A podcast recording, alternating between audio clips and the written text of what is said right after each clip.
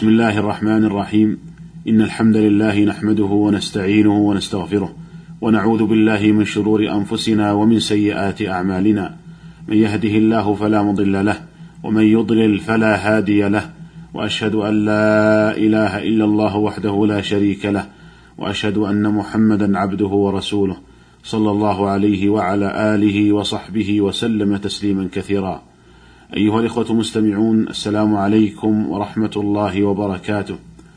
لا يزال الحديث موصولا عن أحكام صلاة الجماعة، ونتحدث معكم أيها الإخوة في هذه الحلقة عن مسألة ما تدرك به الجماعة، هل تدرك بإدراك جزء منها بأن يكبر قبل سلام الإمام، أو أنها لا تدرك إلا بإدراك ركعة؟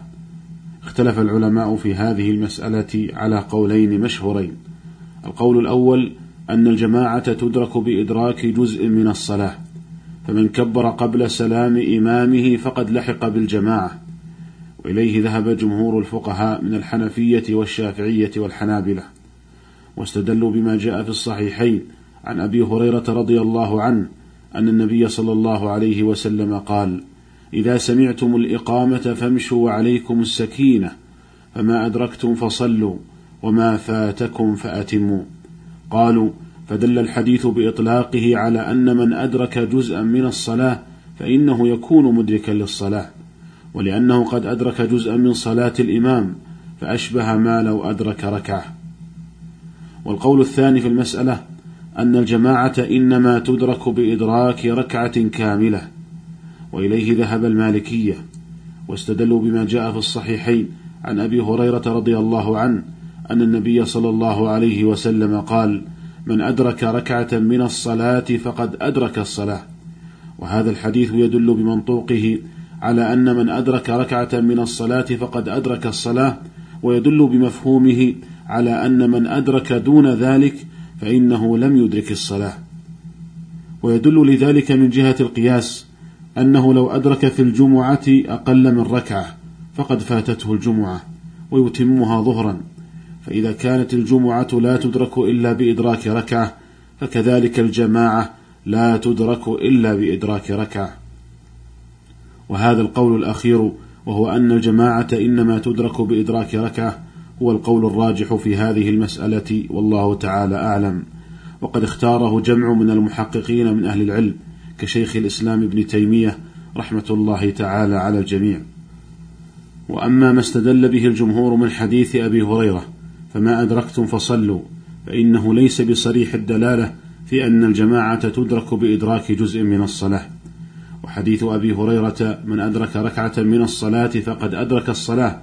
أصرح دلالة منه في أن الجماعة إنما تدرك بإدراك ركعة.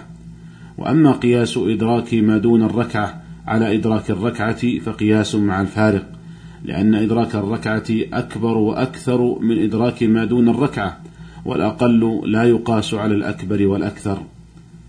قال شيخ الإسلام ابن تيمية رحمه الله والصحيح هو القول بأن الجماعة إنما تدرك بإدراك ركعة وذلك لوجوه. الوجه الأول أن قدر التكبيرة لم يعلق به الشارع شيئا من الأحكام لا في الوقت ولا في الجمعة ولا الجماعة ولا غيرها فهو وصف ملغى في نظر الشارع فلا يجوز اعتباره. الثاني أن النبي صلى الله عليه وسلم إنما علق الأحكام بإدراك الركعة فتعليقها بالتكبيرة إلغاء لما اعتبره واعتبار لما ألغاه. ففي الصحيحين عن أبي هريرة رضي الله عنه قال قال رسول الله صلى الله عليه وسلم إذا أدرك أحدكم ركعة من صلاة العصر قبل أن تغرب الشمس فليتم صلاته. وإذا أدرك ركعة من صلاة الصبح قبل أن تطلع الشمس فليتم صلاته. وأما ما في بعض طرقه إذا أدرك أحدكم سجدة فالمراد بها الركعة التامة كما في اللفظ الآخر. ولأن الركعة التامة تسمى باسم الركوع فيقال ركعة وباسم السجود فيقال سجدة.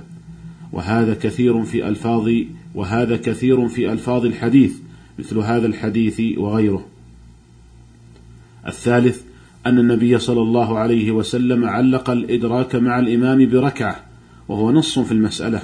في الصحيحين من حديث أبي هريرة رضي الله عنه عن النبي صلى الله عليه وسلم قال من أدرك ركعة من الصلاة مع الإمام فقد أدرك الصلاة وهذا نص رافع للنزاع. الرابع أن الجمعة لا تدرك إلا بركعة كما أفتى به أصحاب رسول الله صلى الله عليه وسلم منهم ابن عمر وابن مسعود وأنس رضي الله عنهم وغيرهم ولا يعلم لهم في الصحابة مخالف وقد حكى غير واحد أن ذلك إجماع الصحابة والتفريق بين الجمعة والجماعة غير صحيح. الوجه الخامس أن ما دون الركعة لا يعتد به من الصلاة فإنه يستقبلها جميعها منفردا فلا يكون قد أدرك مع الإمام شيئا يحتسب له به فلا يكون قد اجتمع هو والإمام في جزء من أجزاء الصلاة يعتد له به فتكون صلاته جميعا صلاة منفرد. يوضح هذا أنه لا يكون مدركا للركعة إلا إذا أدرك الإمام في الركوع وإذا أدركه بعد الركوع لم يعتد له بما فعله معه. مع أنه قد أدرك معه القيام من الركوع والسجود وجلسة الفصل ولكن لما فاته معظم الركعة وهو القيام والركوع فاتته الركعة. فكيف يقال مع هذا إنه قد أدرك الصلاة مع الجماعة وهو لم يدرك معهم ما يحتسب له به؟ فإدراك الصلاة بإدراك الركعة نظير إدراك الركعة بإدراك الركوع لأنه في الموضعين قد أدرك ما يعتد له به. وإذا لم يدرك من الصلاة ركعة كان كمن لم يدرك الركوع مع الإمام في فوت الركعة لأنه في الموضعين لم يدرك ما يحتسب له به وهذا من أصح القياس. انتهى كلام شيخ الإسلام ابن تيمية رحمه الله. أيها الإخوة المستمعون ويترتب على ترجيح هذا القول وهو أن الجماعة إنما تدرك بإدراك ركعة يترتب عليه مسائل منها أنه إذا أتى رجل مسجدا وقد رفع الإمام من الركوع في الركعة الأخيرة وكان يرجو وجود جماعة أخرى فإنه لا يدخل مع الإمام وإنما ينتظر حتى يصلي مع الجماعة التي يرجوها لأنه لو دخل مع الإمام في هذه الحال يفوته فضل الجماعة لكنه إذا انتظر ثم صلى مع الجماعة التي يرجوها فقد أدرك الجماعة. لكن إذا كان لا يرجو وجود جماعة أخرى فإنه يدخل مع الإمام لأن كونه يدخل مع الإمام في هذه الحال فيدرك جزءا من الصلاة خير من كونه يصلي منفردا. ولكن إذا صلى منفردا لكونه لا يرجو وجود الجماعة ثم في أثناء صلاته أحس بجماعة تصلي فإن الأفضل في حقه في هذه الحال أن يقلب صلاته إلى نفل. فيتمها ركعتين خفيفتين ثم يلتحق بالجماعة الجديدة لأجل أن يدرك معهم فضل الجماعة. ومما يترتب على ترجيح هذا القول من المسائل ما ذكره شيخ الإسلام ابن تيمية رحمه الله من أن المسافر إذا أتم بمقيم ولم يدرك معه إلا أقل من ركعة فإن المسافر يقصر صلاته ولا يلزمه إتمامها لأنه إذا لم يدرك معه إلا أقل من ركعة فصلاته في الحقيقة صلاة منفرد فيصليها مقصورة. ولكن إذا أدرك معه ركعة فأكثر فيلزمه إتمام الصلاة.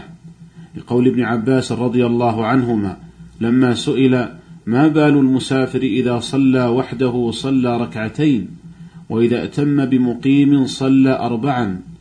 قال تلك السنة. أسأل الله تعالى أن يرزقنا الفقه في الدين وأن يعلمنا ما ينفعنا وأن ينفعنا بما علمنا وإلى الملتقى في الحلقة القادمة إن شاء الله تعالى. والسلام عليكم ورحمة الله وبركاته.